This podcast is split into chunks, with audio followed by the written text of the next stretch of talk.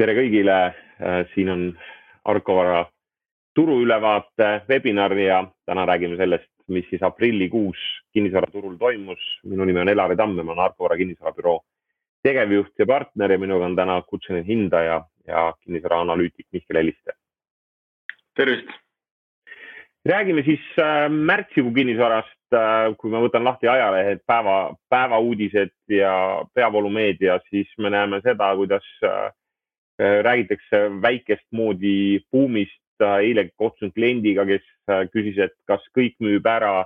Ma loen sinu värskest turuülevaatest, äh, et jätkuvalt kunagise buumiperioodi on jäänud tehingute rekordid ja need jäävad ületamata ka suure tõenäosusega kahe tuhande kahekümne esimesel aastal.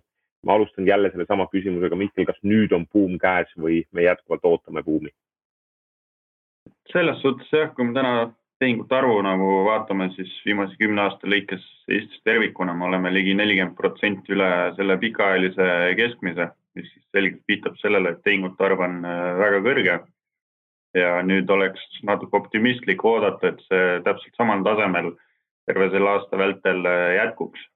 et äh, kahekümne esimesel aastal nüüd väga paljudes piirkondades Eestis ületatakse ütleme siis viimase kümne või kaheteist aasta jooksul äh, eelnevad tehingute arvu tasemed, aga tõenäoliselt see on äh, ajutine.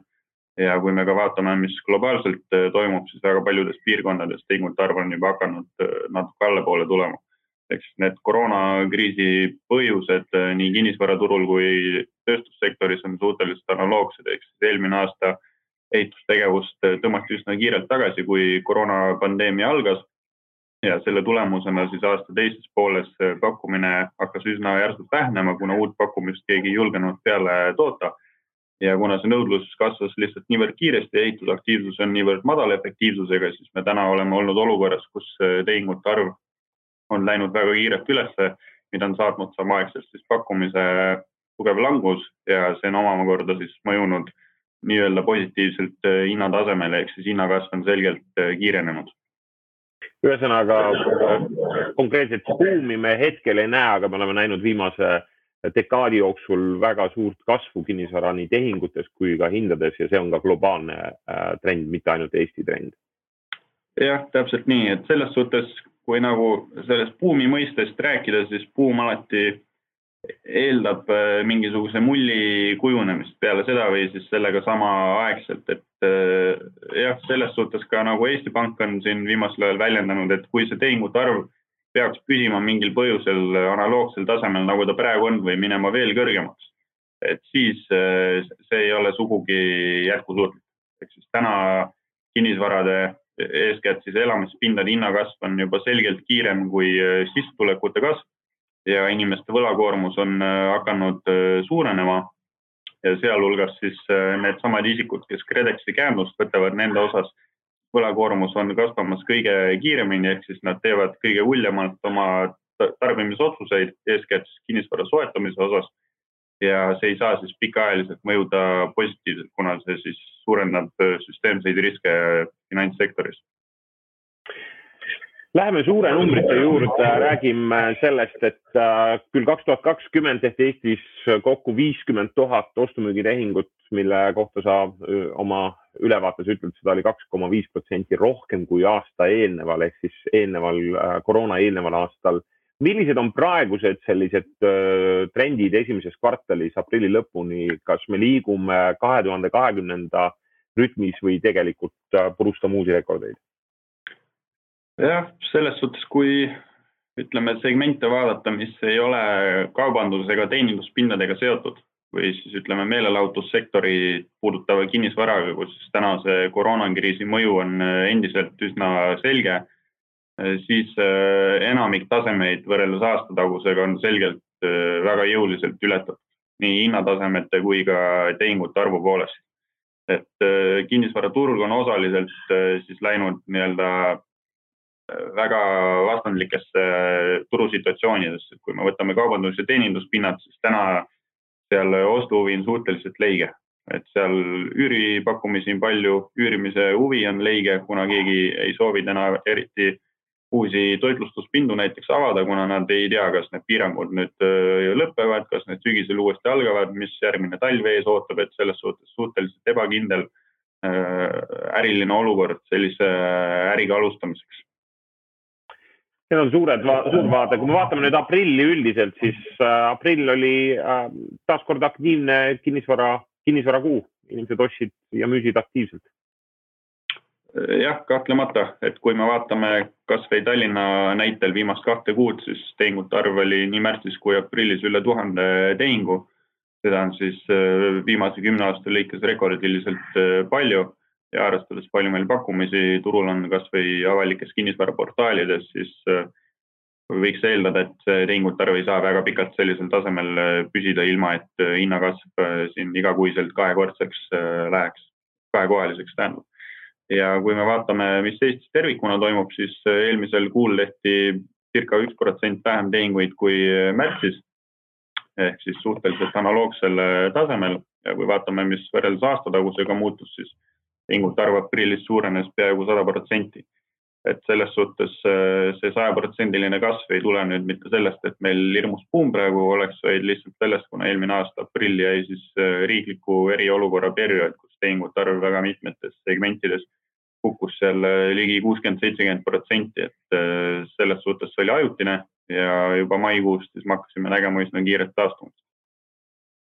Mis on see peamine äh, müügiartikkel praegu, kas jätkuvalt uusarendused veavad turgu eest? viimased kaks kuud on olnud pigem juba sellised, kus me näeme nii Tallinnas kui Tartus uute korterite osakaalu vähenemist tehingutes tähendab seda, et järelturu osakaal tehtud tehingutes on asunud suurenema.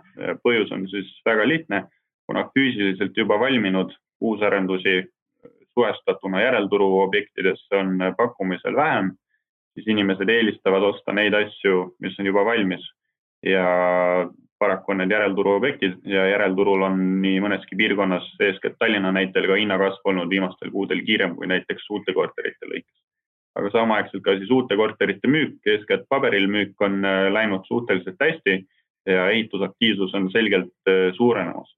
et mis seda ehitusaktiivsust nüüd puudutab, siis äh, mul on niisugune ütleme pessimistlik arvamus, et väga palju objekte, mida lubatakse praegu turule tuua ja kus paberil müük on läinud juba väga hästi, aga kus ehitajatega lepinguid tegelikkuses ei ole veel sõlmitud ma arvan, et osa nendest objektidest jääb tegelikkuses äh, esialgu algatamata ja need valmivad tegelikkuses äh, hiljem. ja inimestele antakse võimalus siis nendest objektidest äh, loobuda, saavad oma broneerimisraha tagasi või siis nad peavad mõnevõrra kauem ootama. Põhjus on siis pelgalt selles, me näeme praegu globaalselt väga kiiret tooraineindade kasvu, mis eeskätt siis ehitussektori vaatevinklist vaadatuna peegeldub metallide ja puidu hinna kasvus ja arvestades, mis see ehitushinnaga teeb, siis kui nad äh, ehituslepingud sõlmivad alles tulevikus, siis äh, küsimus, kas sellest marginaalist arendaja jaoks, midagi enam järgi jääb. et noh, see on juba äh, üsna suur riskikoht, et sellest asjast on tegelikult siin mitu kuud juba räägitud, aga meediasse see on hakanud alles viimastel nädalatel jõudma, aga kui arendajatega olen siin rääkinud, siis inimesed muutuvad järjest loovamaks ja kõiksugused äh, metallkonstruktsioonid näiteks üritatakse asendada kas äh, odavama puitmaterjaliga, kuna puidu hind on küll äh, kasvanud märkimisväärselt, aga võrreldes metalliga näiteks see jääb selle projekti puhul odavamaks. Et täpselt samasugused trendid nagu viimastel aastatel turul üldiselt on olnud, kus arendajad üritavad kõike võimalikult odavaks teha, ma arvan, see aasta see kiirenevas tempos vähemalt ajutiselt võib jätkuda jah, vastasel juhul ei saa siis äh, lubadustest kinni pidada või, või siis oma äri eesmärkidest, et äh, tuua turule siis uusi, uusi kortermaju ja uusi, uusi äh, kodusid või ärisid. räägime Tallinnast ja Harjumaast oma turuülevaates sa tood välja, et tegelikult kasvanud on siis ka trend ikkagi korterist eramusse või, või ridaelamusse, et, et mis selle trendi taga on? eks selles suhtes see on äh, igale, ütleme, elamispindade kasvutsükli nii-öelda tipule või selle lähedal olevale faasile täiesti omane trend, ehk siis isikud, kes on elamu ostuvõimelised, nende kindlustunne on äh, jõudnud nii heale tasemele ja sissetulekud on niivõrd äh, head, et nad on otsustanud elamu ostu kasuks. ja me nägime seda ka aastatel seal kaks tuhat kuus, seitse, kaheksa, kus siis korteriturul tugeva kasvu äh, järgnemisele tuli siis äh, elamuturu üsna kõrge turuaktiivsuse tase. ja me oleme näinud seda ka siis senise kasvutsükli vältel, kus korteriturg on kõige esimene, mille efektiivsus hakkab kiirelt tõusma ja sellele siis järgneb äh, elamute aktiivsuse kasv. et. ja ennekõike siis Tallinna lähiümbruses Viimsi, Harku ja Rae jah, selles suhtes võib äh, väita nende piirkondade baasil, et see on põhiline Tallinna lähiümbruse turg ja põhiline elamute turg ühtlasi ka Eestis. Et selles suhtes äh, elamuturu efektiivsuse kasv on, ütleme, viimase kolme aasta vältel olnud laiapõhjaline Eestis. tähendab siis seda, et äh, kõik need ütleme, ääremaastumise trendid on justkui jäänud ajutiselt tahaplaanile ja ütleme, eeskätt suvilate likviidsus on paranenud nii Peipsi ääres kui ütleme Harku vallas. et selles suhtes inimeste huvi kinnisvara väljaspool Tallinnat omada on selgelt viimastel aastatel suurenenud. Et äh, nüüd on lihtsalt küsimus, et kas see on ajutine trend, nagu ta oli näiteks kümme aastat äh, tagasi.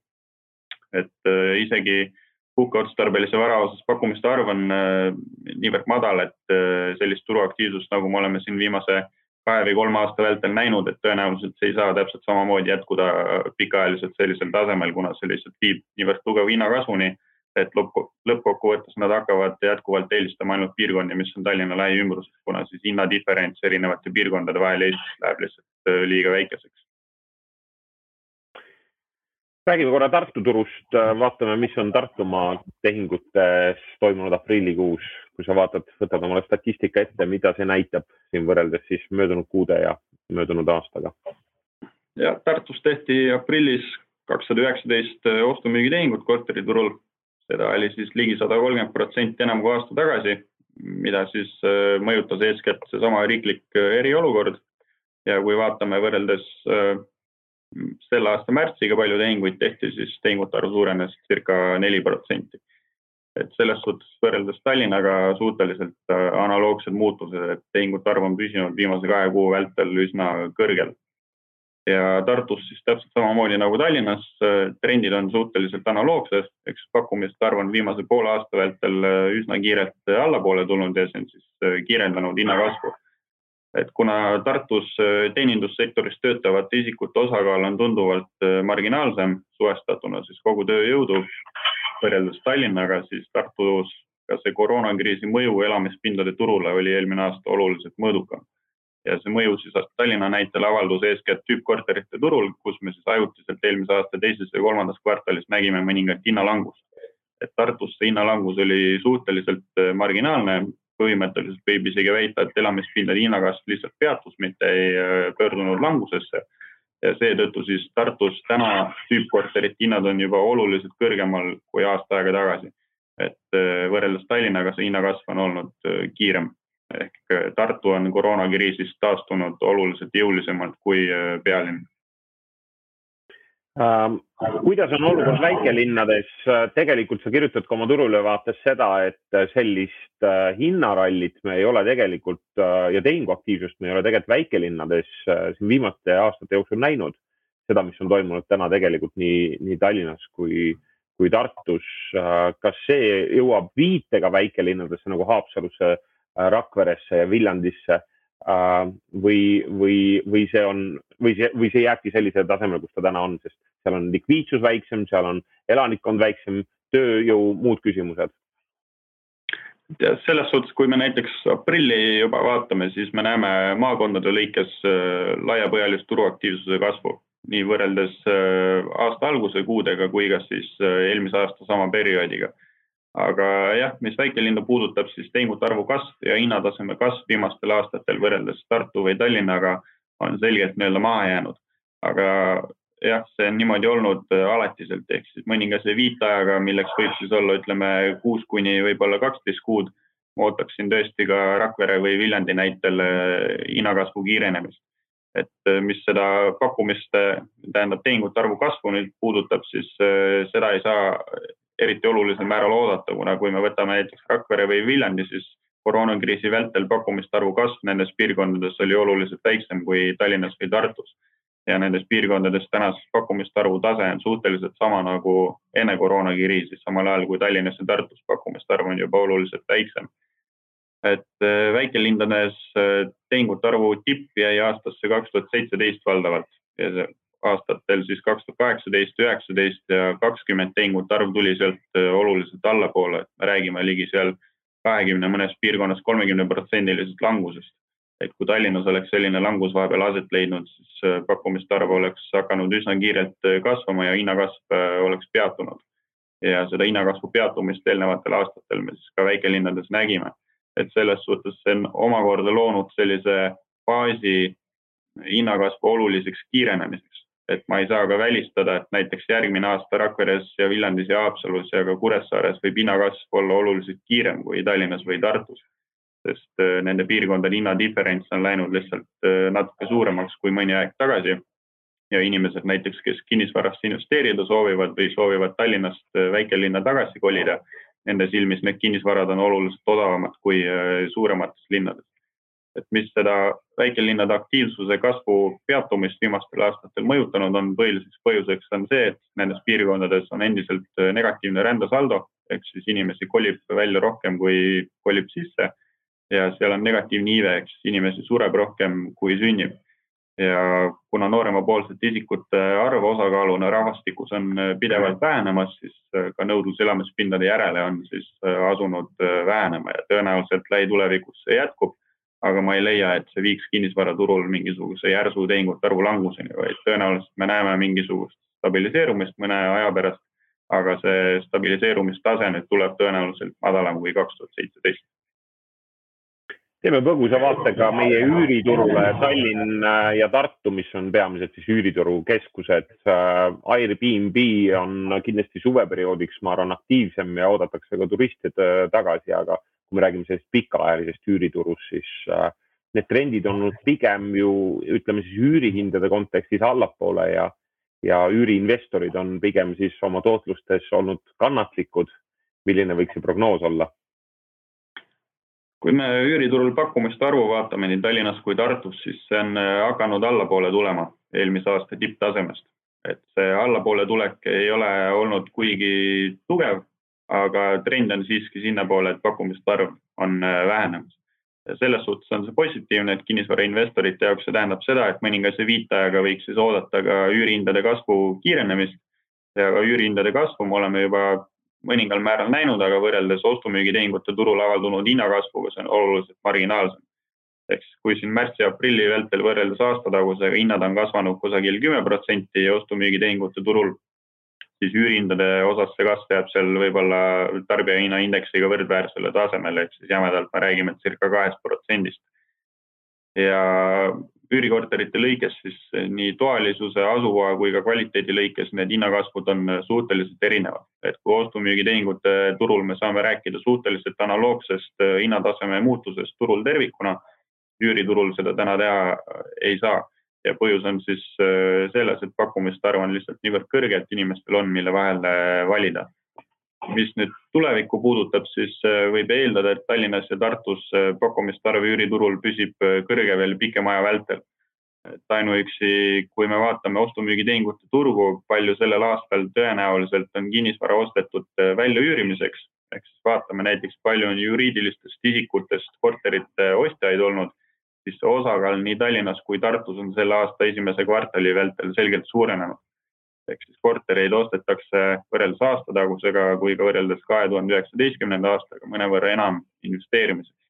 ja tõenäoliselt need lähevad siis üüriturule ja see omakorda suurendab pakkumiste arvu ja hoiab hinnataseme kasvu tagasi. lisaks Tallinnas meil on äh, nii-öelda suurinvestoreid turule tulnud, kelle projektid on äh, varsti valmimas. Et äh, mingisugusest pakkumiste puudusest üüriturul ei saa nagu rääkida on sul kuskil käepärast, käepärast Tallinna, ütleme siis uusarenduste keskmine ruutmeetri hind, mis mi,, kuhu see on täna liikumas, mis suurusjärku? eks me oleme vaikselt seal kolme tuhande juures, mida siis äh, veab eeskätt äh, kesklinn ja Põhja-Tallinn, et selline madalama hinnaklassi uusarenduste hinnakasv on olnud viimasel ajal kõige kiirem, ehk siis kui me võtame magalapiirkondade korterid, mille uute korterite hinnatasemed on täna pakkumises seal ütleme kaks tuhat kuni kaks tuhat kolmsada, võib-olla kaks tuhat kolmsada viiskümmend eurot ruutmeetri kohta. siis veel mõni aasta tagasi nad olid julgelt seal tuhat kaheksasada kuni kaks tuhat eurot ruut. et võib eeldada, et see samasugune trend jätkub ja eeskätt siis juba ainuüksi seetõttu, et seesama tooraine hindade kasv viib ehitushinna kasvuni, mis eeskätt kõige odavamate korterite jaoks siis tähendab hinnakasvu kiirenemist kolm tuhat eurot ruutmeeter äh, uusarenduste, uusarendatud korteri eest. just kuulsin, et keegi pakub Pärnus juba, juba sama hinnaklassilt ja kui täna ei osta, siis homme pidi olema juba kolm tuhat kuussada eurot ruutmeeter. Et äh, väikest äh, ärevust on kinnisvaraturul tunda, aga, aga võib-olla Mihkel, viimaseks väike prognoos siia ette, et milline võiks kujuneda maikuu ja, ja järgnev, järgnevad siis kuud äh, Eesti kinnisvaramaastikul eks tehingute arv eelduslikult püsib jätkuvalt kõrgel tasemel, aga tõenäoliselt äh, me tuleme siis äh, suve keskpaigaks natuke allapoole. et mis nüüd seda sügisperioodi puudutab, siis ega me keegi täpselt ei tea, mis see teise pensionisamba raha siin turul äh, tegema hakkab. et võib juhtuda, et täna on inimesed, kes siis kardavad seda teise pensionisamba raha ehk siis inimesed mõtlevad, et sügisel tuleb nii palju raha turule, et siis hakkavad kõik ostma ja siis pole mitte midagi enam osta, et ma parem ostan täna. ehk siis võib hoopis olla trend, et täna on tehingute arv aetud nii kõrgeks, et sügisel see siiski nii kõrgele enam ei ulatu. aga võib ka vastupidi minna, et äh, need küsitlused, mis on tehtud, mida selle teise pensionisamba rahaga tehakse, nende baasilt otseselt ei saa nagu matemaatiliselt mingisuguseid väga konkreetseid fakte välja tuua, et mida see nüüd kinnisvaraturuga võiks justkui teha, et jah, me saame siin rääkida, et äh, ligi viisteist protsenti eelmise aasta elamispindade tehingute käibest ehk siis eurodes äh, rahalisest mahust võiks äh, turuaktiivsust suurendada. Et kas see nüüd juhtub ainuüksi selle aasta neljandas kvartalis, ma kahtlen, et tõenäoliselt see mõju püsib ka kogu järgneva aasta vältel ja ka arvestades, palju siis ühe isiku kohta sealt äh, raha vabaneb, siis Tallinna ega Tartu ega ka Pärnu kinnisvaraturul ilma laenukapitali kasutamata selle rahaga just kuigi palju ei tee. Et võib eeldada, et sellel saab väga tugev mõju olema just äh, väikestele Eesti piirkondadele, kus siis äh, osa leibkondi on väga pikka aega olnud üüriturul, mis sest, et need üürihinnad on madalad, aga nad siiski sooviksid näiteks ise oma kodu omada ja see viis või kuus või seitse tuhat eurot võimaldaks siis leibkonna peale nii-öelda mingisuguse elamispinna soetamist väga paljudes väikestes Eesti piirkondades. Et suuremates linnades võib eeldada, et inimesed hakkavad rohkem laenuvõimendust kasutama ja kinnisvaraomanikeks saavad ka isikud, kes ilma selle rahata tõenäoliselt ei oleks kunagi kinnisvaraomanikeks saanud. ja mis see nii-öelda kinnisvaraturul edaspidi toob, et et eks ta hakkab siin lähikvartalitel järjest selguma, et selles suhtes me juba täna näeme seda raha turul ja võime juba eeldada, milliseid mõjusid see võib tuua, et seesama mingisugune portaal, mis eestlaste poolt loodi, kus sa juba ette saad selle raha sealt välja võtta, kui sa maksad mingisugust mhm. viieteistprotsendilist tehingutasu. et noh, piltlikult öeldes selle portaali uksed joosti maha, et Äh, võib eeldada, et äh, täpselt sama hakkab ka sügisel juhtuma, et äh, nüüd on küsimus ka nagu pankadel, et kui palju nad on nõus selle hullusega kaasa minema. et kui pangad tõmbavad pidurit, et kas nad ikka hakkavad igasugu varasid ja igasugu isikuid finantseerima, et see on juba puhtalt nende otsustada. meie saame siin ainult kinnisvara hinnata ja vahendada ja, ja kogu seda asja pealt vaadata, aga et selles suhtes äh, arvamused on läinud väga kahetsuseks, et on kinnisvarabüroode esindajaid, kes arvavad, et see mõju saab olema suhteliselt marginaalne. ja on olemas neid, kes arvavad, et see mõju saab olema üsna suur, et ma olen pigem võtnud niisuguse seisukoha, et ma, ma ei tea, mis täpselt saab. Et äh, küll me siis näeme, et sellel kindlasti saab olema tehingute arvule positiivne mõju ja see kiirendab hinnakasvu, aga millises ulatuses see olema saab, et seda me, me ei oska hetkel kuidagi öelda paraku. Ja elu näitab, et igasugune ennustamine on äh, tagantjärgi suurepärane töö ja seda ongi kõige lihtsam nii teha. ma arvan, et meie ülesanne ei olegi praegu lihtsalt tulevikku ennustada, vaid nende trendide pealt, mis me hetkel näeme kinnisvaraturul, anda mingit, äh, mingeid suuniseid ja need oleme täna teile andnud. suur aitäh, Mihkel, sulle nende kommentaaride eest ja analüüsi eest. Äh, teiega oli siis Mihkel Eliste, Arcora kinnisvarabüroo kutseline hindaja ja analüütik. ilusat päeva sulle mm. -hmm. aitäh. ja kui te soovite Arko Vara kinnisvarabüroost tellida ka siis turuülevaadet, seda põhjalikumalt, siis all on link, vajutage sellele, sisestage oma email ja tuleb iga kuu teile värskelt, värskena emailile ja saate lugeda sellest põhjalikumalt, nii et suur tänu selle eest, see oli siis, mina olen Elari Tamm, Arko Vara kinnisvarabüroo tegevjuht ja, ja partner ja järgmine kuu taas räägime kinnisvaraturust ja kui teil on küsimusi, siis olge lahked, saatke info.tarkvara.ee täpsemalt turu või meie teenuste kohta hea meelega vastame. ilusat päeva